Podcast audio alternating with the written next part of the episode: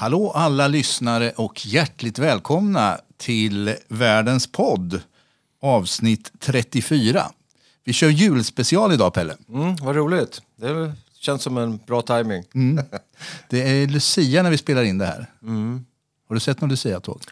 Nej, jag, alltså, jag hade ingen koll på det. Jag har verkligen tappat vissa av de här delarna. Och, eh, jag såg att eh, på Facebook att folk började lägga upp eh, Lucia-bilder och då, tydligen vissa vargar för att det var förinspelat ifrån Kalmar eh, på, eh, på någon tv-inslag eller något. Så att, nej, jag hade ingen koll på det. Julspecial idag som sagt. Den sen, kommer att sändas den 22 december det här avsnittet. Och vi har som faktiskt, som, som vi brukar ha nu för tiden, vi har gäst idag. Mm, vad härligt. Hjärtligt välkommen hit Fredrik Velander. Nej, men tack. Eh, Och jag vill bara säga att jag var jätteglad och tacksam för att det var inspelat överhuvudtaget någonting i morse när jag kollade på Lucia. Det var ju fint ju. Ja. ja, det är lite mysigt med Lucia. Vad har hänt sen senast Pelle? Ja, vad har hänt sen senast? Eh, Jag, eh, för min del har det varit väldigt mycket, ni, ni, de som lyssnar på den här podden vet ju att jag då och då nämner ordet demokrati och samhällsfrågor. Och, och jag har hållit på under hösten och eh, jobbat med skolor och vi hade haft avslutning på den här veckan och då visa bio. På Bio Roxy så har vi haft eh, Make Democracy Great Again, en film som John Sherman har ja, är väl själva huvudpersonen i det som åker runt i världen och kollar hur det står till med eh, demokratin. Och, eh, så det är en del av de undervisningarna som vi har gjort i skolorna. Hur går det då? När han går runt och undersöker. Ja, det, det ser ju mörkt ut men eh, det är en väldigt bra film. Alltså, dramaturgiskt väldigt bra.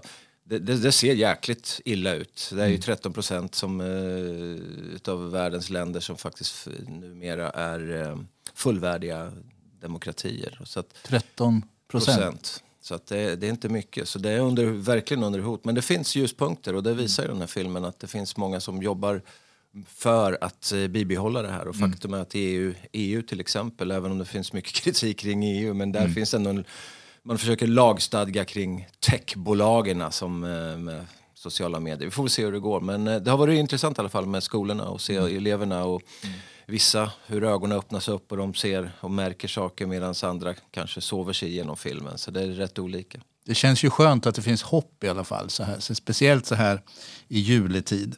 Men vi ska, vi ska, fakti- vi ska, vara, vi ska vara artiga och släppa in vår gäst här, Fredrik. Jag, eh, vi ska köra en liten presentation utav dig. Eh, du är ju kommunikatör i botten, va? Ja, bland annat. Bland annat. Eh, men numera så är du teologistuderande. Ja, bland annat. Ja, Bland annat. Och så har du arbetat mycket med miljö. Ja. Med miljöfrågor. Ja. Så ett digert CV. Ehm, vi skulle gärna vilja att du berättar lite om dig själv. Vem är du Fredrik? Ja, och jag tänker när man ska göra det så, så tycker jag i alla fall att det är svårt. Jag ska säga det som jag faktiskt är. Jag är pappa. Två stycken unga kvinnor i den här världen kallar mig för pappa. Det är fint. Det är bra. Och det är helt ofrånkomligt det bästa. Och sen är det en äldre kvinna som kallar mig för sin sambo. Eh, Jag tror att hon har varit med i den här podden en gång i tiden. Och sen så får väl den som lyssnar dra sina egna... Ja. Ja. eh, göra det sin stämmer kan research. Det Liksom. stämmer. Ehm, nej, men jag är född här i stan av en slump. Mina föräldrar kommer inte härifrån, finns inga rötter här överhuvudtaget. Jag har försökt ta mig härifrån. Bodde i Stockholm i tio år. Kom tillbaka. Det kanske Och stan ska vi väl säga, för vi har ju faktiskt inte bara lyssnare från Örebro. Stan, det är Örebro det. Det är Örebro. Förlåt. Ja, det är lugnt. Navel, naveln är inte alltid så djup. Nej, men det är väl vi som ska vara glada att vi faktiskt är så att vi har lyssnare från ganska många städer och ganska många länder. Precis. Eh, Nej, men jag har alltid varit intresserad av det som vi människor har tillsammans. Alltså det som vi skulle kunna kalla för samhället. Apropå det som Pelle pratade om, demokrati. Och eh, jag har väl jobbat eh, i samhällets tjänst liksom hela mitt liv. Med kommunikation, PR, kulturutveckling, näringslivsutveckling och allt möjligt. Samhällsutveckling, politik. Men jag har egentligen aldrig, jag brukar säga att jag har aldrig blivit riktigt bra på någonting. Jag är en generalist. Jag, jag ville bli fotbollsproffs, som många pojkar, eh, men orkade inte träna. Så att jag valde musiken när jag kom i puberteten eh, på 80-talet och ville bli hårdrocksgitarrist och eh, orkade inte öva så mycket. så jag blev punkbasist istället tror jag. och sen så sen så ble, slutade med att jag blev musikkritiker istället. Och jag, musik är det viktigaste jag har i livet tror jag. Musik är helt eh, avgörande. Jag lyssnade så den här Spotify Wrapped kom att jag lyssnade på 68 000 minuter. Jag tror att det stod 42 dagar i sträck ungefär. Så jag har musik på hela tiden när jag är vaken. Men är det så här då, för jag kan känna igen mig lite grann i det där, även om jag eh, inte eh, känner att jag kan mäta mig med dig på något sätt Fredrik, så, så jag kan känna igen det där att jag har alltid ägnat mig åt det som jag har lätt för. Mm. För att jag har inte heller haft liksom den här förmågan att sitta timme ut och timma in och trö- trögla med en gitarr för att lära mig att spela det. Är, är det sån du är? Jag vet faktiskt inte vad det är. Eh, eller om det är att det också finns andra saker som lockar ut den ur den där kryptan hela tiden. Eh, på något vis. Att, att eh, det är jobbigt att lära sig alla olika ackordvarianter i gitarr och alla skalor man kan spela. Och då är det roligare att göra något annat. Så blev det för mig i alla fall. Ja. Så.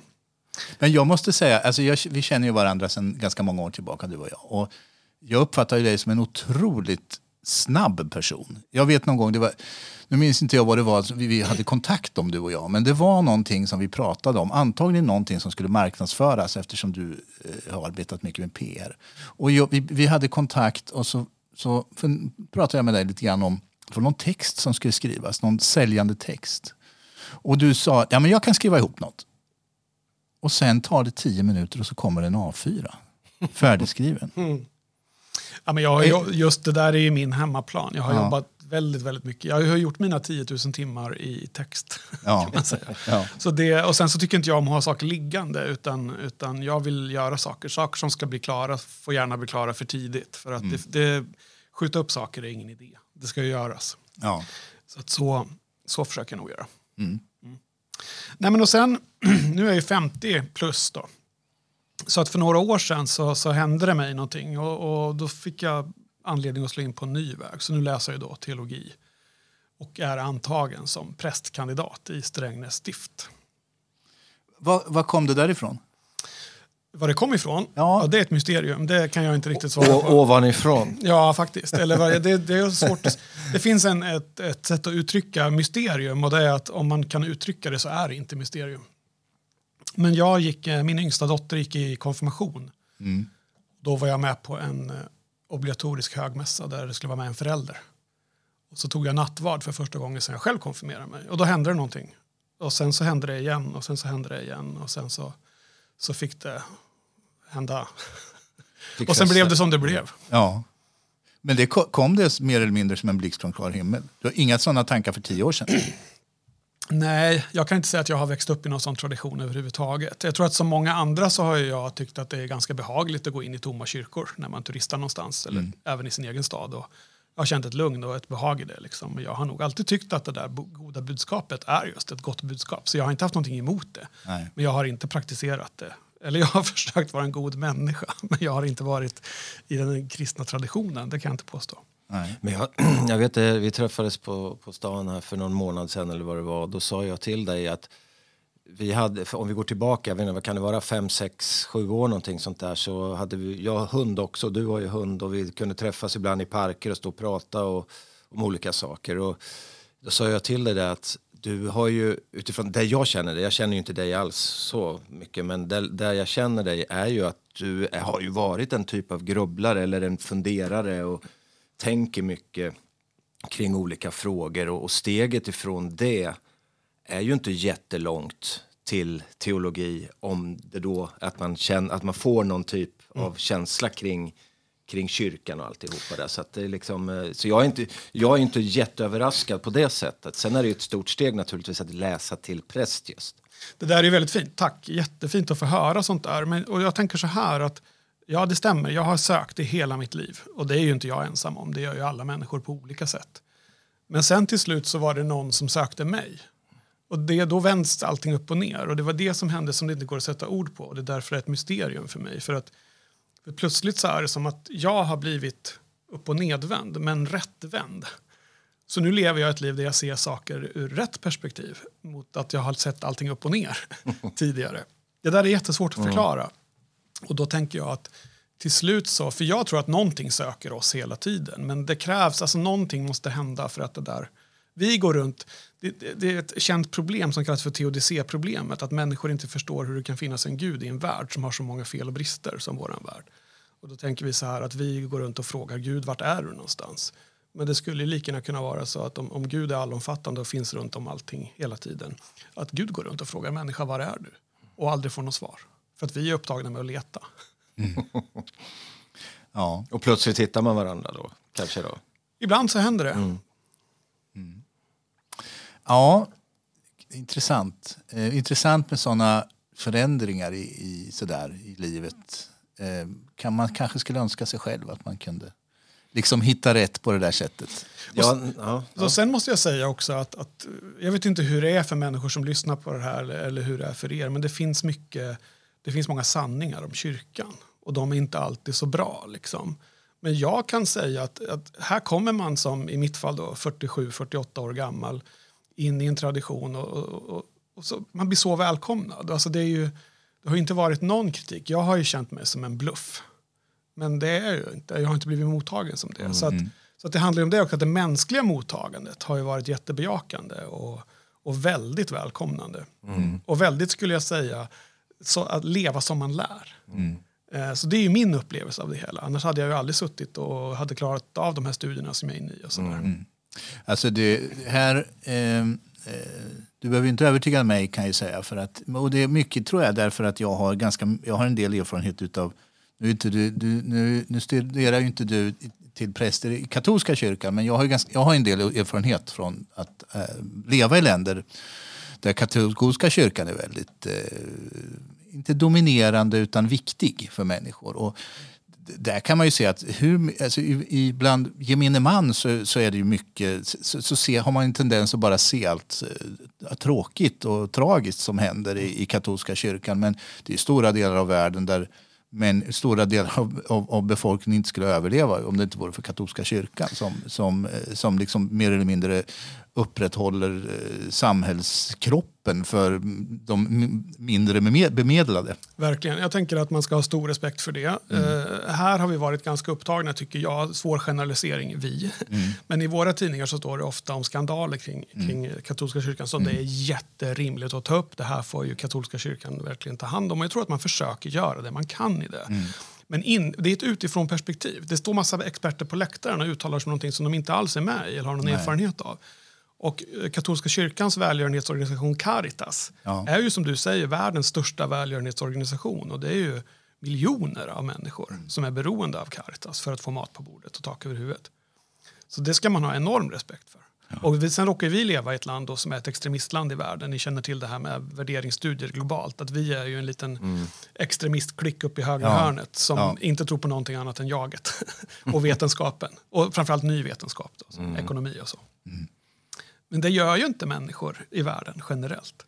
Men det är ju, nu ska ju inte det här bli ett helt program om, om, om religion och, och sådant, men eh, alltså det, det som slår igenom ibland är ju det, makten, alltså att man ska ha makt. Jag då som är, jag, säger det varje program, jag ber om ursäkt till lyssnare, men med, Irland, med Irlands ögon, alltså där har ju kyrkan varit, använt det som en makt över fattiga människor för att de inte, de får inte komma upp. Alltså, man höll dem ju nere och dessutom alla dessa nunneskolor med barn och aborter och hela den här biten. Men det är en, det är en jättestor diskussion som vi får en egen podd om någon gång tror jag. Men man måste ändå lägga in de perspektiven också, just den här makten över människor som är fattiga också. Att man, Verkligen. man måste få möjligheten att växa som människa och inte bara vara ta emot som ett offer om man säger så. Är du med vad jag menar? Eh, Men verkligen, och jag håller med om det. Och där har kyrkan många vitböcker att skriva. Men jag tänker också att ett perspektiv är, nu har jag blivit en sån som måste gå i försvar. Nej, men jag tänker så här, skulle det också kunna vara så att det var nationalstaten och den kungliga härskaren som använde kyrkan för att upprätthålla sin makt? I Sverige ska vi komma ihåg att när kyrkan var en del av kungamakten så var det också kyrkan fick ju uppdraget av kungen till exempel att gå in i torpen och titta hur människor har det. Kyrkan var både kontroll, lite skattemyndighet och socialtjänst samtidigt. Jag tänker att, att det var kungen framförallt som ville ha makten över det världsliga. Eh, och det där, det där får vi prata det vidare om i hänger en annan ihop podd. till jag. del. Ja. Ja. jag tänker rika män med makt som vill behålla den kanske tar i hand och gör det Ja, på men det är en sätt, poäng, liksom. definitivt. Eh, det är ju som sagt ett, eh, det är ju ett, en julspecial och eh, det är ju, inte, det är ju ingen kanske tillfällighet, eh, rent bortsett från att du studerar teologi Fredrik, att vi talar lite, lite religion. Eh, det för mig liksom osökt in på, eh, på Karl-Bertil Jonsson vars ömma moder fick något religiöst i blicken, ty denna saga utspelade sig på den tid då julen fortfarande firades till minne av Kristi födelse. Det är ju en väldigt rolig fras det där som, som, som kommer i inledningen ut, utav den här filmen. Eller ja, den filmen som ju alla har sett och väl alla känner till. Eh, så det, det, det är klart att det ligger nära till hands att prata lite om, om kristendom bland annat. Eh, men jag tänkte vi skulle prata lite om julen och framförallt vår relation till julen. Därför att eh, vi har ju levt i lite olika länder. Du har dessutom en del anknytning till ett annat land också, Fredrik. Tyskland är det väl? Va? Precis. Jag är ju halvtysk, om man nu kan vara någonting sånt som en halv nationalitet. Men jag är Nej. född med ett tyskt pass. Ja. Av en, en, en kvinna, min mamma då, så hon var tysk medborgare när hon födde mig. Mm. Mm. Eh, hur firade ni jul? Vi firade jul som jag tror att de flesta som är födda i början på 70-talet skulle säga att de firade jul. Eh, okay. I mitt fall så blir det så här att fram till mina föräldrar skilde sig i mitten på 80-talet så, så firade vi en jul med Kalle Anka, inte Karl-Bertil Jonsson, för jag är uppväxt i villa och där tittade vi inte på Karl-Bertil Jonsson. Mm. Men vi tittade på Kalle och sen så delade vi ut julklappar och, och så var det väl som det var och åt julmat och så. Och sen eh, under mellandagarna så kom släkt och ja. hälsade på och det var uppstyrt och vattenkammat och sådär. Lite ja. grann. Eh, men jag minns det som väldigt, väldigt trevligt fram till, fram till mina föräldrar skilde sig. Och då var jag själv i tonåren. Och då, sen dess har jularna mest varit ett förlängande tycker jag hit och dit mellan ja. olika. Mamma ena, pappa andra alltså, och sådär. Ja. Eh, men jag, jag minns mina barndomsjular som väldigt fina och familjära och, ja. och mysiga. Liksom. Ja, jag har samma erfarenhet. Jag, jag, eh, jag, min barndomsjular, jag skulle säga att de var tindrande. Och det var väldigt traditionsrikt sådär. Det, det kläddes ingen julgran förrän kvällen före julafton. Det, det där var liksom viktigt. Fick du vara med då? Ja, jag var nog tvungen att vara med och klä granen tror jag. Det är min, förlåt, jag bryter in, men det var en jättefin grej som mina föräldrar gjorde, ja. tyckte jag. Att, att de gjorde det när vi hade gått och lagt oss. Så att när vi gick och la oss den 23 mm. så fanns det ingen julgran. Nej. Man vaknade lite för tidigt på morgonen för att man var lite för nyfiken. Då stod det en stor och ståtlig gran där med massa paket under. Och jag tyckte det där var så fantastiskt. Jag har försökt få dem, eh, när jag själv har blivit pappa, att jag får göra ja. samma sak men inte riktigt fått gehör för det. Jag hade typ samma upplevelse. För att min mor, hon... Eh, hon eh, det var inget julpynt egentligen. Annat, lite adventspynt var det väl kanske i december. Men det var alltså inget julpynt uppe. Det gjorde hon på natten till julafton. Så att när vi vaknade, min syster och jag, på morgonen då, då var det lite, lite så här sagolikt nästan. Man kom upp och det var julpyntat överallt och det var ljus och, och, och, och sådär. Va? Det, och sen var det ju förstås då eh, Resan till jultomten med, eller förlåt, ja det heter den va? Resan till jultomten med Beppe Wolgers på morgonen och sånt där som, som det lyssnades på. Så det var, jag, jag har också väldigt, eh, väldigt sådär eh, klassiska och eh, lyckliga barndomsminnen från julen. Mm. Hur var det för dig Pelle? Eh, ja, det var väl inte riktigt lika vackert som okay. du berättade. Ja. Nej men det var väl alltså just med själva pyntandet och granar och sånt där. Det är liksom, det, eller I min familj så hade vi alltid tall av någon anledning. Och det, visst, det finns vissa som har det. Men, ja. Eh, så vi hade jultall. Men eh, så att på så sätt var det alltså det vart ju stämning på så sätt. Men, mm. men jag är uppväxt i en familj som där alkoholen hade lite för dominerande plats när det var mm. högtider. Så att Eh, för mig förknippar jag jular och vissa andra eh, högtider att oro och bråk och eh, fylla egentligen om man ska vara riktigt ärlig. Då. Mm. Så, att, så jag har inte någon jättebra bild av, eh, av som barn och, och ungdom och sådär. Och sen så är det som du sa där Fredrik med när jag blev äldre och började spela fotboll och flytta runt så var det mest ett flängande. Jag åkte runt till med skilda föräldrar och sen min tjej skilda föräldrar. Så att det var liksom det var Örebro två ställen, det var Sala och det var Hallstahammar och, och, och ständigt. Och så skulle man ut på juldagen i Örebro mm. och busa lite också. Så, och tjejen skulle till Sala och busa på juldagen. Så det, det var väldigt mycket flängande. Mm. Så när jag blev vuxen och flyttade tillbaka till, riktigt vuxen och flyttade tillbaka till Örebro så, och köpte villa så, så sa jag det att nu får folk komma hem till mig. Nu har jag flacka. Vill man träffa mig så får ni komma hem till mig. Och sen dess har julen varit jätteskönt för att eh, det är lugnt. Nu blev det att vi firar hemma hos min syster en del men, men eh, julen har blivit mycket lugnare och min familj, ju äldre mina föräldrar blev och de kunde börja prata igen och, och eh, så blev det lugnt. Så de sista åren har det varit ganska lugnt och fint, mm. det, det, får jag väl ändå säga. Sen vill jag också nämna Karl-Bertil Jonsson som du säger.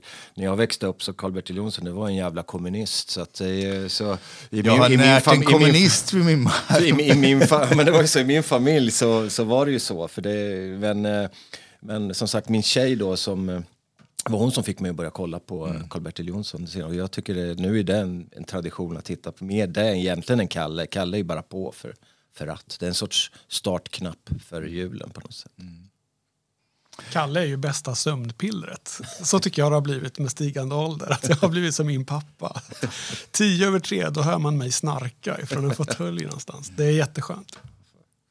Och då, det, och framförallt så det måste ju vara för vår generation som det överhuvudtaget finns kvar. För att den yngre generationen de är ju fullständigt ointresserade. De har ju liksom tittat färdigt på i januari har de ju tittat färdigt på tecknade, tecknade serier eftersom det hela tiden finns idag. Det var ju det det inte gjorde på våran tid. Mm.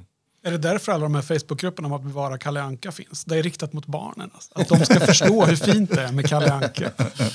Ja, nej, men det är väl, mer, det, det är väl en, en, konstig tradition som har växt fram bara helt ja. enkelt. Att det, det, kanske inte är så många som bryr sig egentligen om att titta utan det, det ska bara till. Ändå äter man före Kalle eller också äter man efter Kalle. Eller Delar man ut presenterna före eller efter? Mm. Men är det inte en fin rit också? Alltså ändå. Alltså det är fint med riter och en rit är att vi ska titta på det här när de här sitter i husvagnen och fäller ihop allting och de är på en soptipp mm. och så ska man säga ho, ho, ho, en sån där husvagn skulle man ha. Eller när de mm. målar med den där rutiga färgen, ho, ho, ho, en sån färg skulle man ha. Det måste ske för att annars så är vi inte där på något vis. Eller varje år så måste man säga att när de käkar eh, vad heter det, majskolvar och det blir ding det här kommer inte barna veta vad det är för någonting, det här ljudet. Skrivmaskinsljudet. Det är alltså verkligen bara till för oss medelåldringar. ja. eh, annars är lite rolig grej, det är väl, jag har ju lite erfarenhet av hur man firar jul i, i eh, andra länder. Har du firat jul något i Tyskland? Eh, ja, det har jag gjort, men inte under så himla bra omständigheter för min egen del. Men jag har varit i Tyskland för några år sedan och firat jul. Och, eh, det jag kan säga om Tyskland är väl att Tyskland är ju vår jul, alltså den svenska julens hemland. Nästan mm. alla bärande våra traditioner är ju tyska från början. Mm. Och det som känns som skillnaden idag mellan Tyskland och Sverige det är att tyskarna har inte riktigt eh, marinerat sin jul lika mycket i det amerikaniserade som vi har gjort. Vilket gör att de ligger fortfarande ganska stadigt i sin tradition. Mm. Och det är julmarknader och det är mycket fokus på det sociala, att träffas och göra mm. saker. Och inte så stabbig, svår mat som vi har, utan lite enklare på något vis. Um, Men påminner det, eh, det borde det ju rimligen göra i och med att vi har lånat deras jul. Ja, eller vad vi ska kalla det för. Jo, men julgranen är väl tysk. Alltså någon, någon lyssnare som kanske vet får väl mejla dig Patrik mm. och korrigera om det ja. blir fel. Men alltså, jag tänker julgranen är tysk, tomten är tysk, eh, mycket av, av alltså chokladen och kakor, alltså allt det här. Mm. Glühwein är väl också mm. säkert. Eh, Glögg. Ja, och sådär. Och jag tänker att, att, eh, men jag tänker att de har inte, sen har vi lagt på hela USA-filtret på, på julen. Mm. Precis. Vi, vi gjorde om den tyska lite vresiga tomten Sankt Nikolaus som kommer och ger barnen ris om de inte har varit snälla eh, till Coca-Cola-tomten. Mm. Så vi har nog lämnat den tyska lite grann. Liksom. Men, eh, nej, men jag, jag, jag förstår att det går att sälja charterbussresor från Sverige till Tyskland och mm. tyska julmarknader i Lübeck och, och, ja, det är och Berlin. Och så. Ja. ja. Eh, vet du om det är någon skillnad på hur man firar i norra och södra Tyskland? För de är nu är det inte så att det går en skarp linje inom Tyskland att man är katoliker söder om, om den linjen och protestanter norr om den linjen. Men det finns väl ändå någon sorts koppling mellan nord och syd där? Vad gör det inte det? Jo, och det är fint att du frågar det, för det visar ju att du till skillnad från många andra har en liten insikt om hur stort Tyskland mm. är. För många är ju Tyskland bara någonting man flyger över eller mm. dammar av igenom på mm. autobahn. Liksom. Ja. Det är ett jättestort land. Alltså, ja. eh, mina rötter är ju i norra Tyskland, så där, där känns det väldigt hemtamt med hur vi gör i Skandinavien. Mm. Det är lutheranskt och det är, någonstans så går det ju en gräns när det blir mer katolskt. Mm. Och då misstänker jag att det är någonting, då händer det någonting också i jultraditionen. Men jag kan inte säga vad, för jag har aldrig upplevt just den sydtyska. Nej. Det kanske du kan? Ja, dina... Det var det jag funderade lite på, för jag har ju firat jul i Spanien i nästan, under nästan 20 år. Eh, och där firar man ju lite annorlunda jämfört med hur vi gör i Sverige. Så jag funderar på om det, om, om det där hänger ihop med, med landet eller om det hänger ihop med religionen. För att i eh, Spanien så firar man ju visserligen jul. Eh, men det finns ju historiskt sett ingen jultomte och det, utan, och det historiskt sett så är det inte julklappar den, varken den 24 eller den 25. Även om de inte har kunnat liksom frigöra sig helt från amerikaniseringen de heller eller anglofieringen. Så att det har väl, det har väl smugits in lite julklappar även i Spanien den 24-25. Men deras stora högtid det är ju egentligen det som kallas för Reyes. Eh, och Reyes betyder kungar och eh, det, det, det, här hänger ju helt enkelt ihop med att man firar förvisso Jesu födelse eh, men man firar ännu mer när han hittades av de tre vise männen och det är de som är kungar, kungarna. Och eh, som ni kanske minns så kom ju de med gåvor till eh, Josef och Maria och Jesusbarnet. Så det, och det är de egentligen som då, man då plockar upp när barnen får eh, julklappar. Eh, så det, I Spanien så, så är det precis som kanske i de länder där man får julklapparna på morgonen, som i England till exempel, eller Storbritannien. Att barnen ligger vakna på natten och sen så finns liksom klapparna där på morgonen när de vaknar. Och det här är ju då den 6 januari. Eh, och, eh, Eh, så att, eh, så att eh, då, och då har ju de tre vise männen varit där på natten och med sina ridandes på sina kameler. Och alla barn i Spanien har ju hört eller sett de där kamelerna eller de där tre vise männen någon gång under sin uppväxt när de har vaknat till på natten. Så att, det, det, den traditionen är lite, lite annorlunda än, än vår. Så det var det jag funderade lite på om, det kanske, om man kanske firar likadant i södra Tyskland. Men det är ju inte alls säkert att man gör. Nej, du känner inte igen det där med kameler i alla fall? Rent allmänt tänker jag att det kommer att bli svårare och svårare för de där männen från Österlandet att komma in i EU. Ja. Så att vi får ändra jultraditionen skulle jag tro som det ser ut. Ja. Ja, du har firat i Kina va Pelle? Nej jag har inte firat jul i Kina men eh, jag eh, har ju varit där när de laddar upp lite grann för, mm. för julen. Men jag kan inte sitta här och säga att jag är en expert på hur, hur de ser, apropå stort land med Kina, det är gigantiskt och mm. väldigt stora skillnader kulturellt mellan de olika delarna. Jag har ju hållit mig i norra delarna och och där har det väl mera varit en sorts amerikaniserad del. Man, man, man slänger upp en julgran och lite tomtar och lite glitter och lite såna här grejer och försöker hänka på västvärlden mm. lite grann. Jag tror att man är mer påverkad av det, det kommersiella liksom och att man vill vara, eller har i alla fall velat varit en del av västvärlden som man, som man såg upp till under en längre tid. Men nu är det ju liksom andra tider där man försöker föra tillbaka det är det kinesiska och det ja. österländska och så. Så jag vet inte riktigt hur det är där. I Kina är det ju den kinesiska nyåret som är den stora delen och den är ju gigantisk. Den går inte ens att fatta. Det är som om man tänker sig det, de som från Österlandet som inte kommer in längre, men i Kina är det, så att det är ju, det är ju folkförflyttningar över hela landet. Alltså, alla de här som är ute och, och arbetar på olika platser i, i Kina som är borta kanske nästan ett helt år ifrån, eh, ifrån sin familj för att överleva och skickar hem pengar. Mm. Eh, de, I bästa fall så kan de åka hem över, över kinesiska nyåret och få ledigt och ge sig ut och resa då. Det är ju ett otroligt kaos. Är, När är detta? Är det början på året precis? va? Det, ja, fast det, det, det rör sig, det förflyttas ja, lite ja, grann. Så, är det, ja. så jag har inte full koll, men februari, mars, någonting sånt där tror jag. Du, jag tror att du har, har lite koll på det Nej, där också. Ja, det, kalendrar är svårt, men ja. de använder inte den gregorianska Nej. kalendern som vi använder. Nej, men skjuter alla, på sig liksom. Ja, men precis, mm. det rör sig lite så vid, vid olika tider. Men eh, jag eh, har ju faktiskt varit där, eh, nu ska vi se här, var det under själva firandet. Men hur som helst, jag var i en stad som heter Dalian och jag åkte, jag firade med Ericsson-anställda eh, när jag var där och provspelade fotboll. Mm. Och eh, jag har aldrig varit med om sådana smatterband. Det var som bomber och granater. Alltså det, var, det var som ett inbördeskrig. Alltså det, och de hade varit helt respektlösa med att det skulle kunna hända någonting med deras händer. Eller någonting. De, de vet de trippade omkring bland det här och det small. Så jag, jag tyckte det var olustigt. Det var så höga jäkla mm. ljud. Och sen kommer jag alltid komma ihåg när jag taxi tillbaka till hotellet på kvällen. Man åkte genom stan. Det var som om det var Alltså, det, det small överallt och det brann. Och, och tydligen så är det ett gäng bränder varje år och folk dör och allt vad det är. Så att det är ett gigantiskt firande i alla fall med det kinesiska nyåret. Där kan jag i alla fall säga. Ja. Irland har du, har du har inte firat jul på Irland någon gång?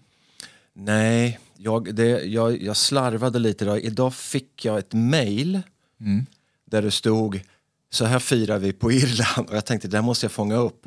Men det försvann så jag vet faktiskt inte. Jag såg någonting om att de på i västra delen i alla fall badar. Det är någon sorts julbad man hade. Man hoppar i och badar i alla fall. Ja. Eh, men det var, jag misstänker att nästa steg är puben, värmen och Guinness skulle jag tro. Men jag vågar inte uttala Det låter någonting så- annat. Det låter inte så dumt det heller kanske. Mm. Julmusik. Vi är ju väldigt musikintresserade alla tre. Vad är er relation till julmusik? Den är svår, tycker jag. Ja, det är lite dubbelt va? Ja, alltså jag tänker så här att ska jag rekommendera någonting så vill jag rekommendera att man kollar upp Nils Landgren, trombonisten på, på Spotify. Han har gjort en serie julskivor med diverse andra musiker som är riktigt, riktigt bra. Eh, resten kan man väl mer eller mindre eh, hantera som man finner bäst själv. Ja. Själv tycker jag att det har blivit mer eh, en plåga än att det är härligt. Men jag tänker det är många jullåtar som har ett väldigt fint budskap. Som till exempel John Lennon och Yoko Onos eh, Happy Christmas, War is over. Som folk går och nynnar på och gnolar på och sjunger med och sådär.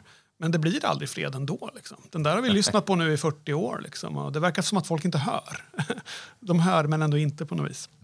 Och så tycker jag det är med många jullåtar. Och sen så finns det ju en del såna här uh, som är rent svåra antifavoriter som Last Christmas och Mariah Carey och sådär. Och, och för mig har faktiskt Fairy Tale of New York då med Shane McGowan och uh, Kirsty McCall uh, varit en sån låt fram till nu. För häromdagen så såg jag en version av den som framfördes, jag tror att det var som avslut på Shane McGowans begravning. Glenn Hansard. Som var jätteberörande. Så nu åkte den upp igen på listan över låtar, inte bara jullåtar, som har en, en helt annan mening än vad den har haft för mig tidigare. Mm. Uh, Do they know it's Christmas time? Med de här 80-talstarna samlade. Det vet jag att jag såg i någon dokumentär. Det Var inte det några hårdrocks... Nej. Det var det inte? Nej, det var ju engelska artister, allt från U2, Boy George. Ja, och, det var det ja. Och de som var stora på 80-talet där. Och, Mm. och jag vet att jag såg någon dokumentär ifrån Nigeria, tror jag det var. Och det satt till några så här, de bara dissar den där låten fullständigt. Vad då do they know it's Christmas time? Tror de är helt jävla bakom flötet i Afrika? Fan. De, de såg det som en hånlåt gjorde de. Och Ja. det, det, det gav faktiskt ett perspektiv tycker jag som var intressant. Att, För det var en insamling va? ja, Det var det, va? Ja, Det började väl med ja. att, att, jag tror att det var Sir Bob Geldof, Ja. sångaren i Boomtown Rats, som såg någon dokumentär om svälten där på Afrikas horn och tyckte jag måste göra någonting. Och så samlade han ihop det här lite snabbt. Och så, så syftet var ju jättegott. Ja. Det var efter Live Aid va? Nej, det var före. Var det Sen före? blev ju det Live Aid på sommaren. ja, ja. Och jag tänker att det var jättefint, men om man läser den texten ordentligt och reflekterar över den så ser man ju hur en bortskämd liksom, Väst- västvärld Ja. liksom, helt fördomsfullt bara liksom, eh, massakrerar en, en, en hel kontinent. Liksom. Men det var ju ändå välmenande. Ja, det är, det är ju det. Men det, det, var, det, det är ändå ett uppvaknande när man liksom får, får en sån där grej. Nej, men jag är också så, jag är ganska trött på julmusik rent generellt. eh, Och, och alla de här klassiska låtarna. Och, jag, eh, jag, vet, jag, jag vet att jag har en CD hemma, nu kan jag inte spela just nu då, men med Einbusk Singers som har, gjorde en jättefin eh, finstämd eh, jullåtar. Jag vet inte när den kom, 90-talet kanske. Någonting. Den brukar jag ibland åka på, den gillar jag. Men annars gillar jag då, då blir det så här, Fairy Tale of New York är ju en, grunden en favorit i och med att jag är Shane, eh, han var ju min gud och The Pokes. musikaliska gud och The Pokes och hela det där. Eh, så det, men den, är, den var ju rätt tröttsam och då, då finns det en, en sämre variant men ändå bra som eh, Dropkick Murphys har gjort som eh, heter Seasons Upon. Eh, och den videon är liksom, det, det handlar verkligen om den här irländska julen. This is how we liksom firar julen och det är bara galet alltihopa. Det, Mm. Alla är mer eller mindre galna i den där. Så att det, den, den, är, den är rolig faktiskt, måste jag säga. Och sen, och sen på den Einbusk-skivan du pratar om så Mm. finns det ju en svensk version av Fairy Tale of New York. Ja, just det, det gör Där, jag. det- och det, det här är ju makabert. Då. Texten är jättefint skriven av Per Persson. Perssons Mm. pack Per Persson. Alltså en jättefin text. Och de som sjunger den är Josefin Nilsson och Håkan Hemlin, alltså han från Nordman. Men med en försvenskad text som faktiskt är mycket bättre än vad det här låter. För några kanske det här låter jättepajigt och för andra kanske bara det här måste jag lyssna på. Ja men sök där, Einbusk. Eh, man hittar det på Spotify. Ja, jag tror att man, man hittar den där. Sen, sen måste jag, när vi pratar om det här, jag måste bara plocka, för att jag kom på idag när jag gick och funderade på, jag har inte tänkt på det på de senaste åren, men under en längre period så jag, la jag alltid ut en, eh, en video med, eh, ifrån filmen Smoke. Vet ni vad det är? Nej. Eh, på, eh, efter Paul Auster, en roman, och där finns det något som heter Augie Wrens Christmas Story. Och eh, den eh, är liksom, Tom Waits sjunger den slutlåten i den här och då är det, alltså det här är ju en film som handlar om en, eh, en kille som äger en, eh, en butik i, i Brooklyn tror jag det är. Och filmen är väldigt, det är en independent film liksom och det är väldigt mycket relationer, den är Det låter lite som feelgood-aktigt. Ja men det är lite så, han, han, han har en passion, han, tar ett, han går ut varje dag vid samma tid och tar ett foto utanför sin butik och har gjort det jättelänge. Men sen en dag så är det en som snor en, eh, jag ska göra det här relativt kort. Sen, en dag så- en som är inne och snor en tidning i eh, hans butik och han springer efter den här personen. Och eh, personen tappar plånboken.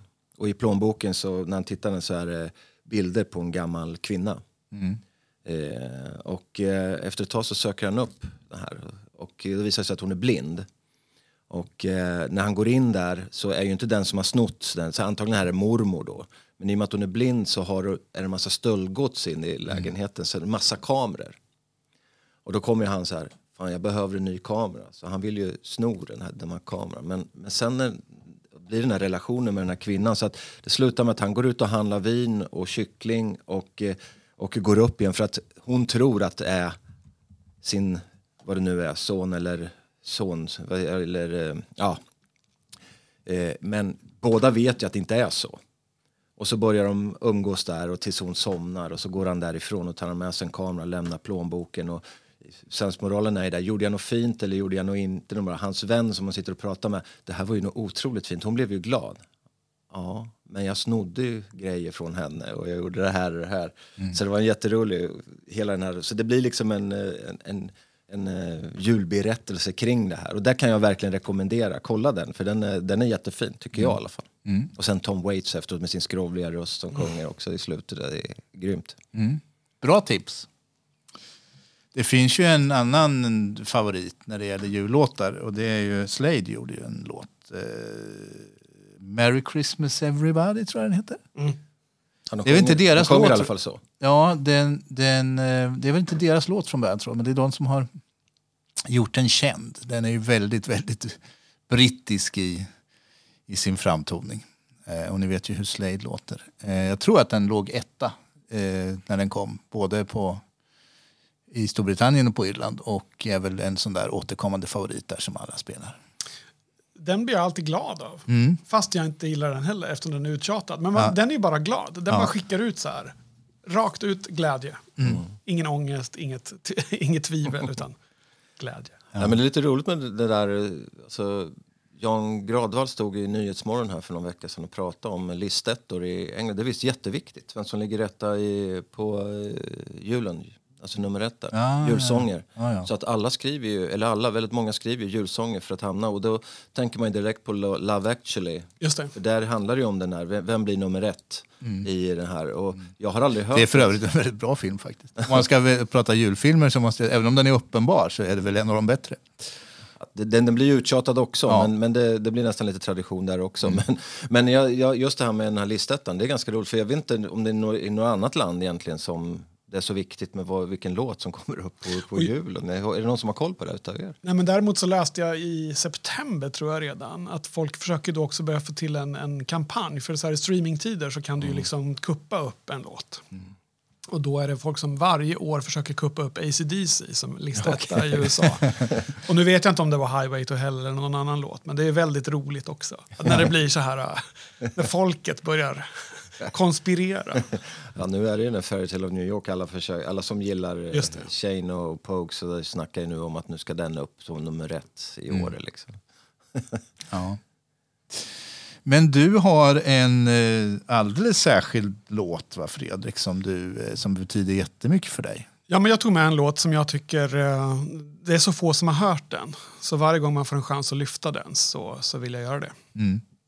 Det är en, en låt på svenska som heter Juletid i Göteborg som sjungs av Anna Stadling som har en av de bästa rösterna jag vet. Mm. Som ändå aldrig har slagit igenom och blivit allmän gods. Liksom. Och den här sången är skriven av, av den amerikanske lite buttre profeten, skulle jag vilja kalla honom Steve Earle. Ah. Eh, eh, den heter Christmas in Washington från början. Och den har mm. fått en svensk text av Kent Norberg som ibland är känd som basist och sångare i Sator. Mm.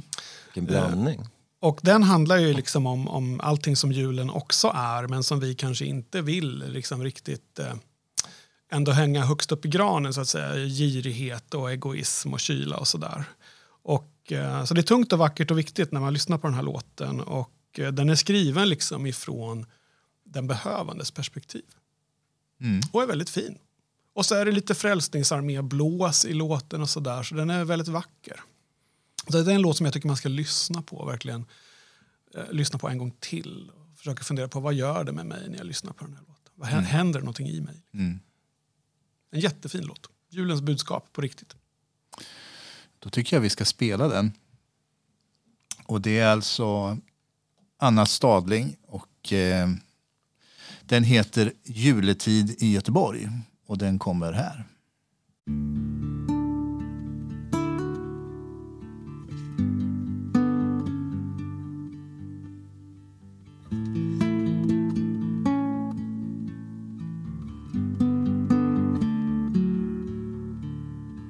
Juletid i Göteborg Folk de stressar runt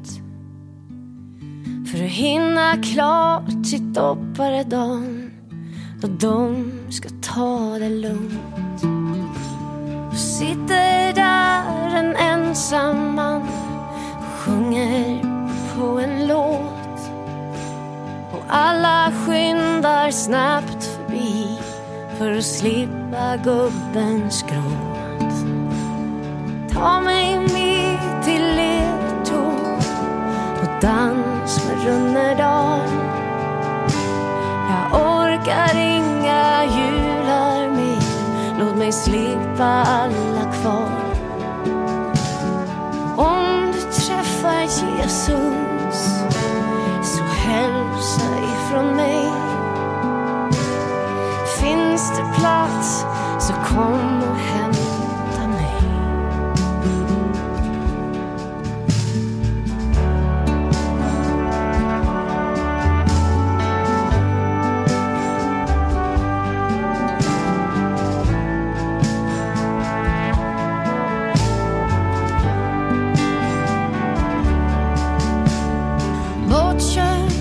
av en ordningsvakt så blommar han iväg och drömmer om en svunnen tid när han seglar runt vår värld. Men nu ska han ingenstans, bara en platsen kvar. Det regnar kallt i Göteborg som alla andra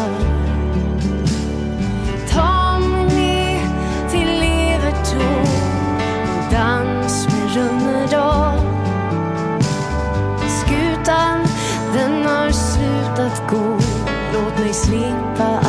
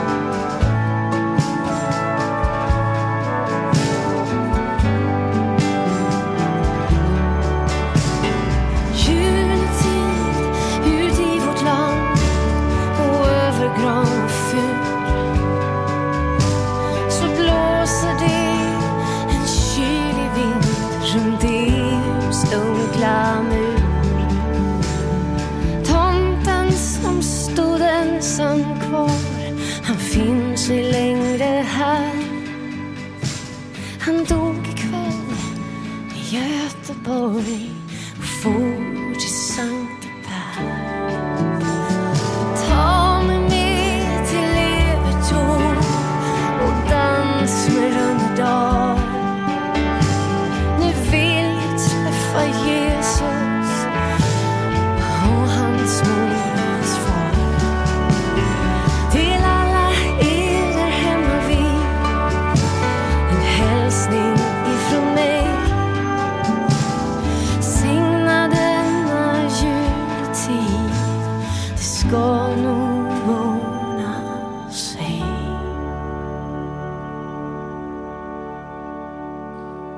stämningsfullt.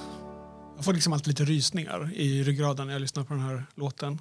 Den vänder liksom på allting i slutet när den här eh, jag kan ju tycka det som privilegierad person, den här stackars mannen, den här uteliggaren som eh, tar mig hem till Evert Taube och dans med Runnerdal och allt det här. Och Nu vill jag träffa Jesus och hans mor, hans far. Och sen till slut så, i sista versen så dör ju den här mannen. Men han skickar en hälsning till oss, till alla er där hemma, en hälsning ifrån mig. Signa denna juletid, det ska nog ordna sig. Det blir en sån här vändning liksom att stackaren slutar vara stackare och är det vi som är stackare nu? När han säger till oss, det ska nog ordna sig. Jag tycker det är jättefint, jag tycker det sammanfattar liksom djupet i julens budskap som är så svårt att uppfatta när man står i en hiss på ett köpcentrum. Men det är ju, julen är ju, alltså, allt, man vill ju inte vara, liksom, vad säger man, party pooper, vad brukar man säga, någonting sånt där, att förstöra stämning. Men det är ju, det är alltid några som kommer ut och börjar berätta, ja, ja, men förstå alla familjer som har det jobbigt. Lite så som en annan hade när man, eh, även om det inte var jätte, jätte illa, det är inte så jag vill, men, eh, men realis, realismen i de här högtiderna är ju rätt tung faktiskt många gånger också. Så det är bra att det finns lite utav det där i, i låtarna också. Men ändå hopp någonstans. Men jag, jag som har bott i Göteborg, jag tänkte det regnar kallt och det blåser vindar. Jag kände bara, jo jag vet nog när jag gick jäkla Avenyn upp och ner. Frös hela vintern. Och då är man ju väldigt, väldigt glad eh, att man har tak över huvudet. Alltså. Det är en sån grej som är lätt att ta för givet, för det, jag har alltid haft det. Jag, jag måste erkänna att jag, jag har ibland, just det här med ute, alltså att inte ha ett hem. Eh, det har jag faktiskt ofta tänkt på när det är vinter, man går kallt. Tänk, alltså, förstå att vandra runt, inte ha, man vet, vet inte om, finns det någon dörr som är öppen nu eh, som jag kan gå in och värma mig på? Liksom, det är så otroligt kallt. Det, det har jag faktiskt många gånger satt mig in i och där vill jag inte hamna. Bara man, garderob, ge mig en garderob, bara någonting. Ja. Ja, gudarna ska veta att det är eh, inte, man är, det är inte så långt bort det där om eh, en eller två eller tre eller fyra saker går fel vid fel tillfälle. Det finns ju en göteborgare som har skrivit eh, Glöm det aldrig Håkan, parkbänken är aldrig långt borta. Nej. Håkan Hellström. Mm. Och det är hans kompis Hurricane Gilbert som säger det till honom. Det kan nog vara värt att komma ihåg det. Parkbänken är aldrig långt borta. Nej. Så är det. Eh, vi har ett ämne kvar som vi filosoferade lite kring inför det här avsnittet. Ehm, det här fenomenet, eller om vi ska kalla det för den nya traditionen, att ehm, människor vill bemöta saker, kanske särskilt kring jul, som inte är hotade. Jag vet att du har funderat kring det där, eh, Fredrik. Ja, men det är ju lustigt. Det känns ju som att det är en ny jultradition eller juletidstradition att, att, eh, att göra och att det kommer runt olika upprop. Liksom, att vi som vill ha Kalle kvar och, och sådär. Och, och Kalle är ju kvar. Ja. Och om det är be- beroende på de grupperna eller att SVT kommer ju aldrig göra av med Kalle. Det får vi låta vara osagt för varken de här grupperna eller SVT är i rummet. Men, men jag tycker det är lustigt att det är många människor som... Det känns som att det är en ny tradition att ställa sig upp och slå vakt om traditionen som inte är hotad. Eller uppfattar människor att den är hotad kanske. Jag vet inte. Men, men den svenska jultraditionen är ju där den är. Liksom. Mm. Ja, och den förändras ju i och för sig.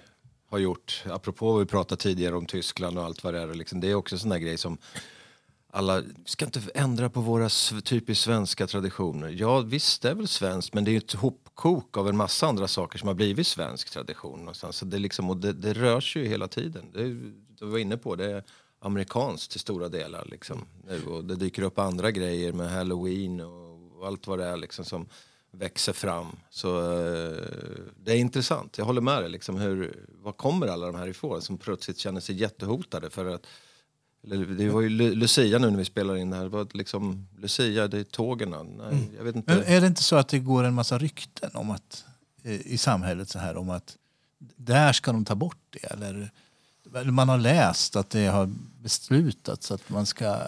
Och sen så är det bara fake. Jag ska killgissa här. Ja. Jag tror att det handlar om att det är sådana som skapar det här för att de vill skapa splittring med olika saker eller rädsla för vissa saker. Ja. Utländska inslag till exempel. Jag tror att det till stora delar är sådana saker att man, man vill så split. Och det är ju ganska gångbart i dagens eh, samhälle att så split på olika sätt. Att man skapar någon typ som egentligen inte stämmer alla gånger. Men, eh, men då, sen kanske det är någon händelse någonstans som har hänt. Och, och, och sen blir det rädda människor som tar beslut som, som då ibland kan faktiskt gå in i de här konspirationsdelarna. Liksom. Så att det är, ja, lurigt. Ja, jag killgissar i samma riktning som Pelle. Jag tror inte bara att, jag, jag tror inte att människor generellt har blivit dumma i huvudet. Däremot så tror jag att det finns människor som, som tjänar på att så den här spliten som du säger. Att, att det här, jag tar inte på mig någon foliehatt, men jag tänker att det är politisk påverkan och vi är utsatta för det hela, hela tiden. Och, och lite lagom skeptisk kan man väl säga att de som har planterat de här typen av berättelser, det går ju ganska bra för dem. Det går ju ganska bra för dem.